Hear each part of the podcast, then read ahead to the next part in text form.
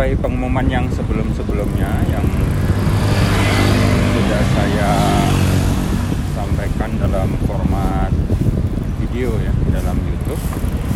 Kami memiliki beberapa beberapa orang tim pendukung baru ya sebagai moderator. Nah ini diharapkan ini diharapkan dapat menambah ya menambah atau mempercepat ya mempercepat penayangan artikel di Print Archive yang kedua kami juga uh, sedang membina ya sedang memproses kerjasama dengan uh, pre-review.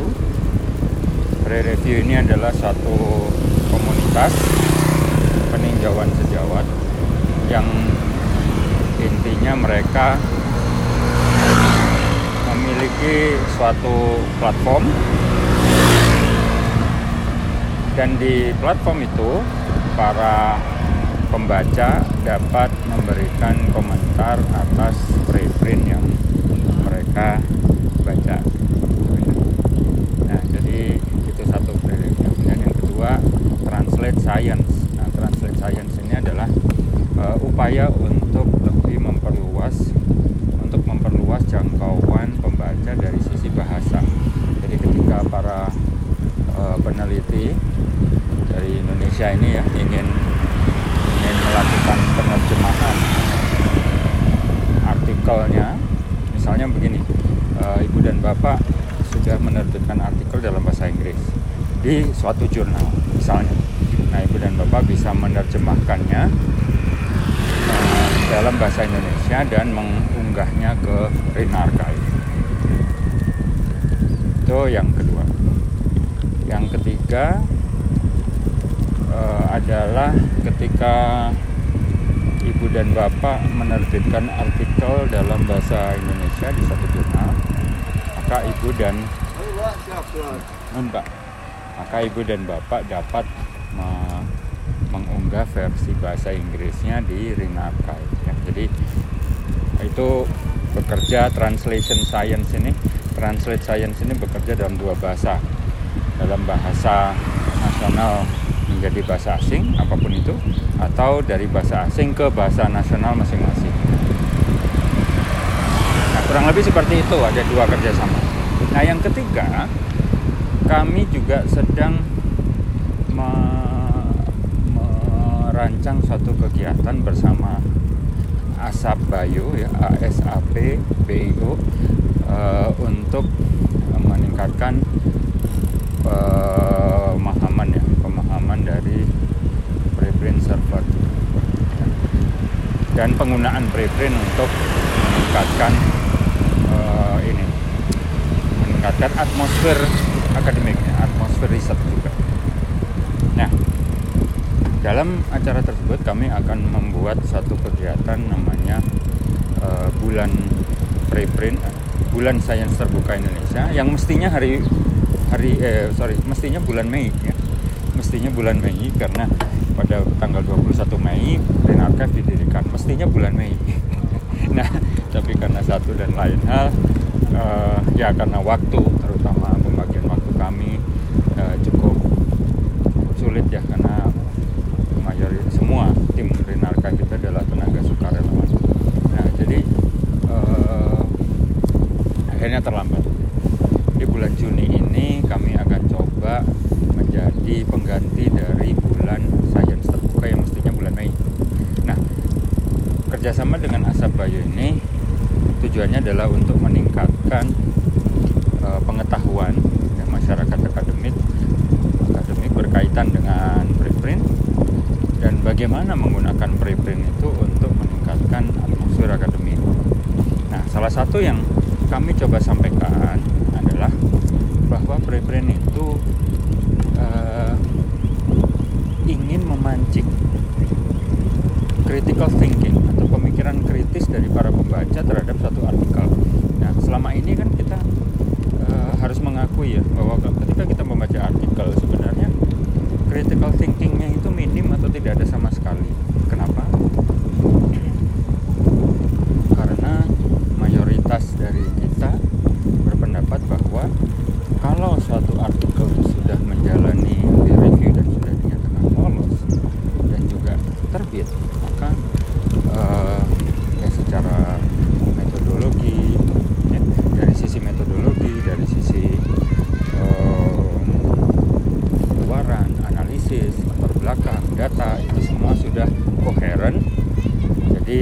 perlu dipertanyakan lagi. Kita cukup pakai hasilnya saja ya.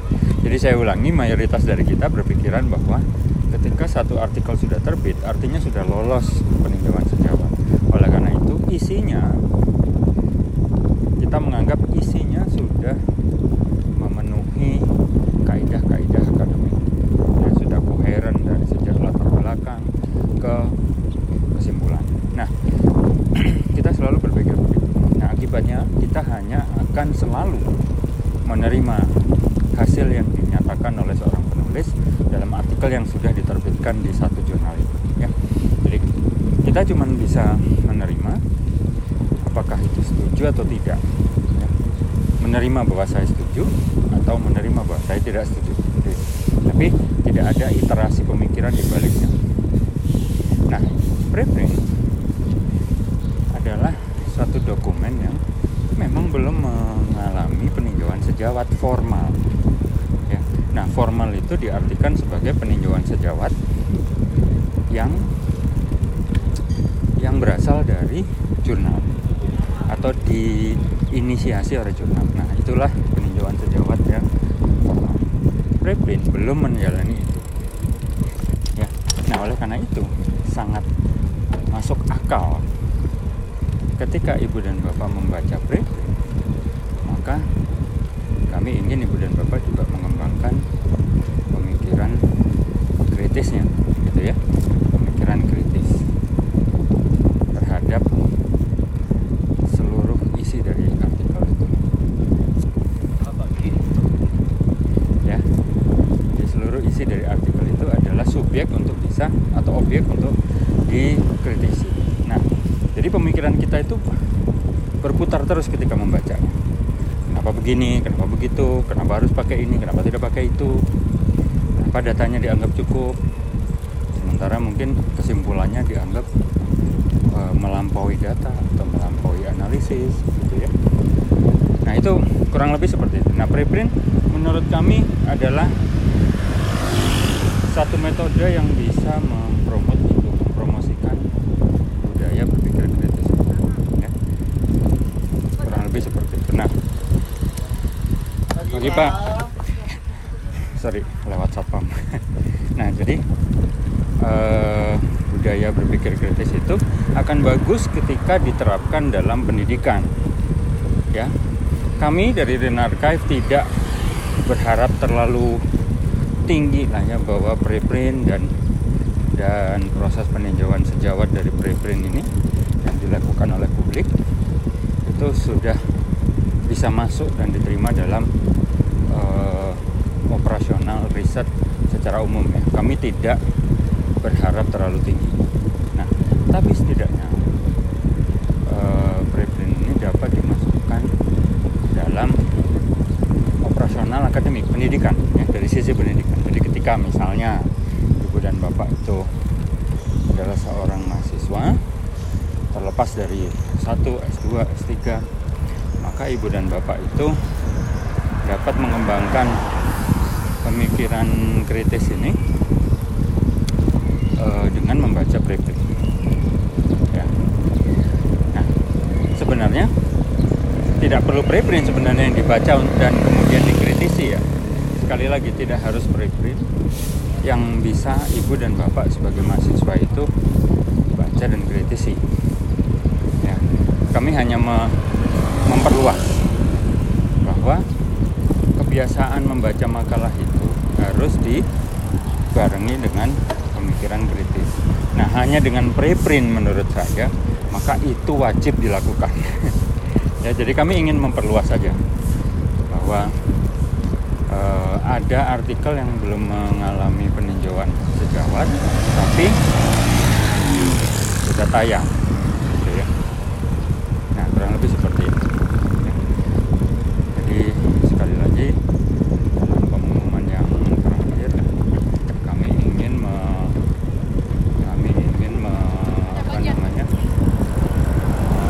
membudayakan kembali berpikir kritis melalui membaca preprint yang dilanjutkan dengan memberikan komentar atau umpan balik. Nah, umpan balik komentar tersebut bisa juga ditayangkan daring gitu. Ya. Komentari namanya. Nah itu juga dapat diunggah ke Rinata ya. Gitu. Jadi hasil peninjauan tersebut ya apakah peninjauan di di preprint ya terhadap preprint atau terhadap makalah yang sudah terbit itu bisa diunggah ke preprint akan lebih bagus lagi kalau pola seperti itu dilaksanakan juga oleh jurnal. Ya. jadi jurnal itu bisa me, me, apa namanya? Jurnal itu bisa me, mengunggah hasil peninjauan sejawatnya. Ke Green Archive. Ya, tentunya untuk itu tentunya untuk itu kebijakan operasional dari jurnal harus disesuaikan. Itu yang pertama. Yang kedua bahwa eh, tahap tersebut harus disetujui oleh penulis ya. Karena bisa jadi ada penulis yang tidak berkenan hasil peninjauan sejawatnya itu secara publik. Jadi ada dua hal kalau seandainya ada jurnal yang ingin bekerja sama dengan kami berkaitan dengan apa namanya penayangan hasil review atau hasil peninjauan maka satu anda sebagai admin jurnal harus merevisi tahapan yang tertera di dalam jurnal ya. tahapan operasional yang tertera di dalam jurnal kemudian yang kedua ibu dan bapak admin harus memberikan harus meminta konsen meminta persetujuan dari penulis ketika hasil reviewnya itu akan ditayangkan. Nah, ketika itu sudah ditayang, sudah disetujui, menurut saya tidak ada masalah. Justru itu akan membuat hasil review menjadi terbuka, ya lebih transparan dan seterusnya. Tentunya ada catatan juga, ya, bahwa hasil review tersebut juga ya harus memenuhi kaidah ya untuk kaidah-kaidah untuk memberikan peninjauan secara konstruktif. Jadi bagaimana agar proses peninjauan sejawat itu bertujuan untuk membuat agar artikel itu bisa terbit. Nah, bagaimana? Ya, terlepas dari kondisi artikelnya, ya, saya mengimbau agar proses peninjauan sejawat agar bertujuan untuk membuat artikel itu bisa terbit. Bagaimana caranya? Ya.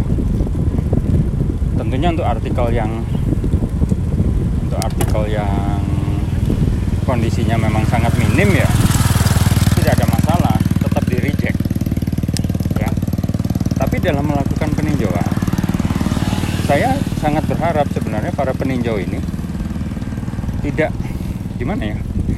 Jadi ketika melihat artikel yang uh, minim kondisinya maka seminim apa pun itu para peninjau itu harus berupaya membangun artikel itu bagaimana agar bisa terbit. Nah itu. Ya. Jadi kalau memang minim maka hasil peninjauannya bisa lebih mendasar. Ini kurang itu dan seterusnya. Ya. terlepas dari itu nanti akan diterbitkan di mana? Ya tidak ada hubungan. Yang jelas ibu dan bapak sebagai peninjau punya tujuan bagaimana agar artikel itu bisa diterbitkan. Nah kalau itu terjadi maka sebenarnya tidak ada alasan peer review itu tidak bisa ditayangkan secara publik. Ada alasan. Para penulis. Akan sangat berterima kasih. Ketika pagi Pak. Ketika hasil reviewnya itu bisa apa ya ditayangkan dan mereka bisa mencari ulang hasil review itu ya lewat googling gitu ya. Kemudian dari sisi peninjau sejawat juga senang ketika hasil kerjanya itu bisa diklaim sebagai bukti ya bahwa mereka telah melakukan pengabdian pada masyarakat ya bahwa mereka telah melakukan perannya dalam mengembangkan budaya akademik. Ya, buktinya bukan sertifikat saja, tapi hasil review yang bisa dilampirkan.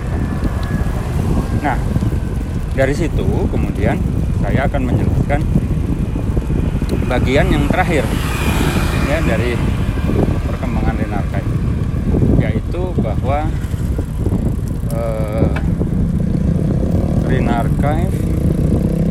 telah menerbitkan suatu pengumuman yang berkaitan dengan pernyataan penulis. Ya, pernyataan penulis. Nah, di situ kami mewajibkan agar setiap submission, setiap seseorang mengunggah dokumen ke Archive, maka harus menyatakan template-nya sudah kami sertakan, silakan diisi. Gitu ya. Nah, hasil dari lembar pernyataan tersebut kami sedang bereksperimen agar itu bisa disalin di abstrak. Jadi ketika ibu dan bapak membuka salah satu artikel di Rinarka, maka di abstraknya itu di bagian atas akan muncul lembar pengesahan itu. Sorry, lembar pernyataan. Ya. Nah, langsung bisa tertera di situ status dari dokumen tersebut apa. Nah, yang terakhir di dalam pernyataan tersebut juga akan kami tambahkan suatu kalimat penegasan bahwa dokumen yang ada di Renarkai ya, itu tidak dapat diposisikan seperti jurnal dalam kondisi saat ini ya dalam situasi regula dan regulasi saat ini ya. Kenapa? Karena Renarkai bukan jurnal. Itu satu. Akibatnya apa? Maka dokumen apa pun yang ada di Renarkai tidak dapat digunakan sebagai untuk memenuhi syarat utama kelulusan atau kenaikan pangkat. Ya. Sekali lagi tidak dapat digunakan untuk memenuhi syarat utama dalam kelulusan atau proses kenaikan pangkat. kurang lebih seperti itu. Jadi tidak bisa ibu dan bapak memprint dokumen yang dari Renarkai kemudian di diperlakukan atau diajukan seolah-olah itu telah terbit di jurnal. Tidak bisa. Karena kita harus mengikuti regulasi yang ada sekarang gitu ya. Nah, tapi ingat waktu tadi saya sampaikan bahwa berkas peninjauan sejawat yang ada di Rinarkai itu dapat diajukan sebagai lampiran. Nah, itu tetap bisa dipakai ya, untuk kategori pengabdian kepada masyarakat. Ya. Jadi uh, di dalam kenaikan pangkat misalnya itu akan ada slot bagi ibu dan bapak untuk mendaftarkan aktivitas sebagai peninjau sejawat atau sebagai editor suatu jurnal. Nah, biasanya ibu dan bapak itu hanya akan melampirkan sertifikat. Nah, kalau hasil peninjauan sejawat itu bisa dan disetujui oleh jurnal dan disetujui oleh penulis untuk diunggah ke Rinakai, maka bukti tersebut bisa juga dilampirkan sebagai tambahan gitu ya akan lebih bermakna menurut saya nah kurang lebih seperti itu. Jadi kalau saya simpulkan lagi nomor satu Green Archive punya beberapa tim tambahan ya, untuk mempercepat proses moderasi. Yang kedua Green Archive bekerja sama dengan beberapa komunitas. Yang pertama pre-review. Yang kedua translate science. Yang ketiga adalah dengan asap bayu. Ya. Nah, pengumuman berikutnya yang ketiga adalah bahwa Renarchive telah uh, memperluas eh, dokumen-dokumen uh, yang bisa diunggah. Ya, salah satunya adalah berkaitan dengan translation, ya kan? Yang kedua yang berkaitan dengan hasil peninjauan sejawat. Ya. Jadi ada dua jenis dokumen baru itu yang yang ketiga dan yang keempat Green Archive telah menginisiasi atau membuat template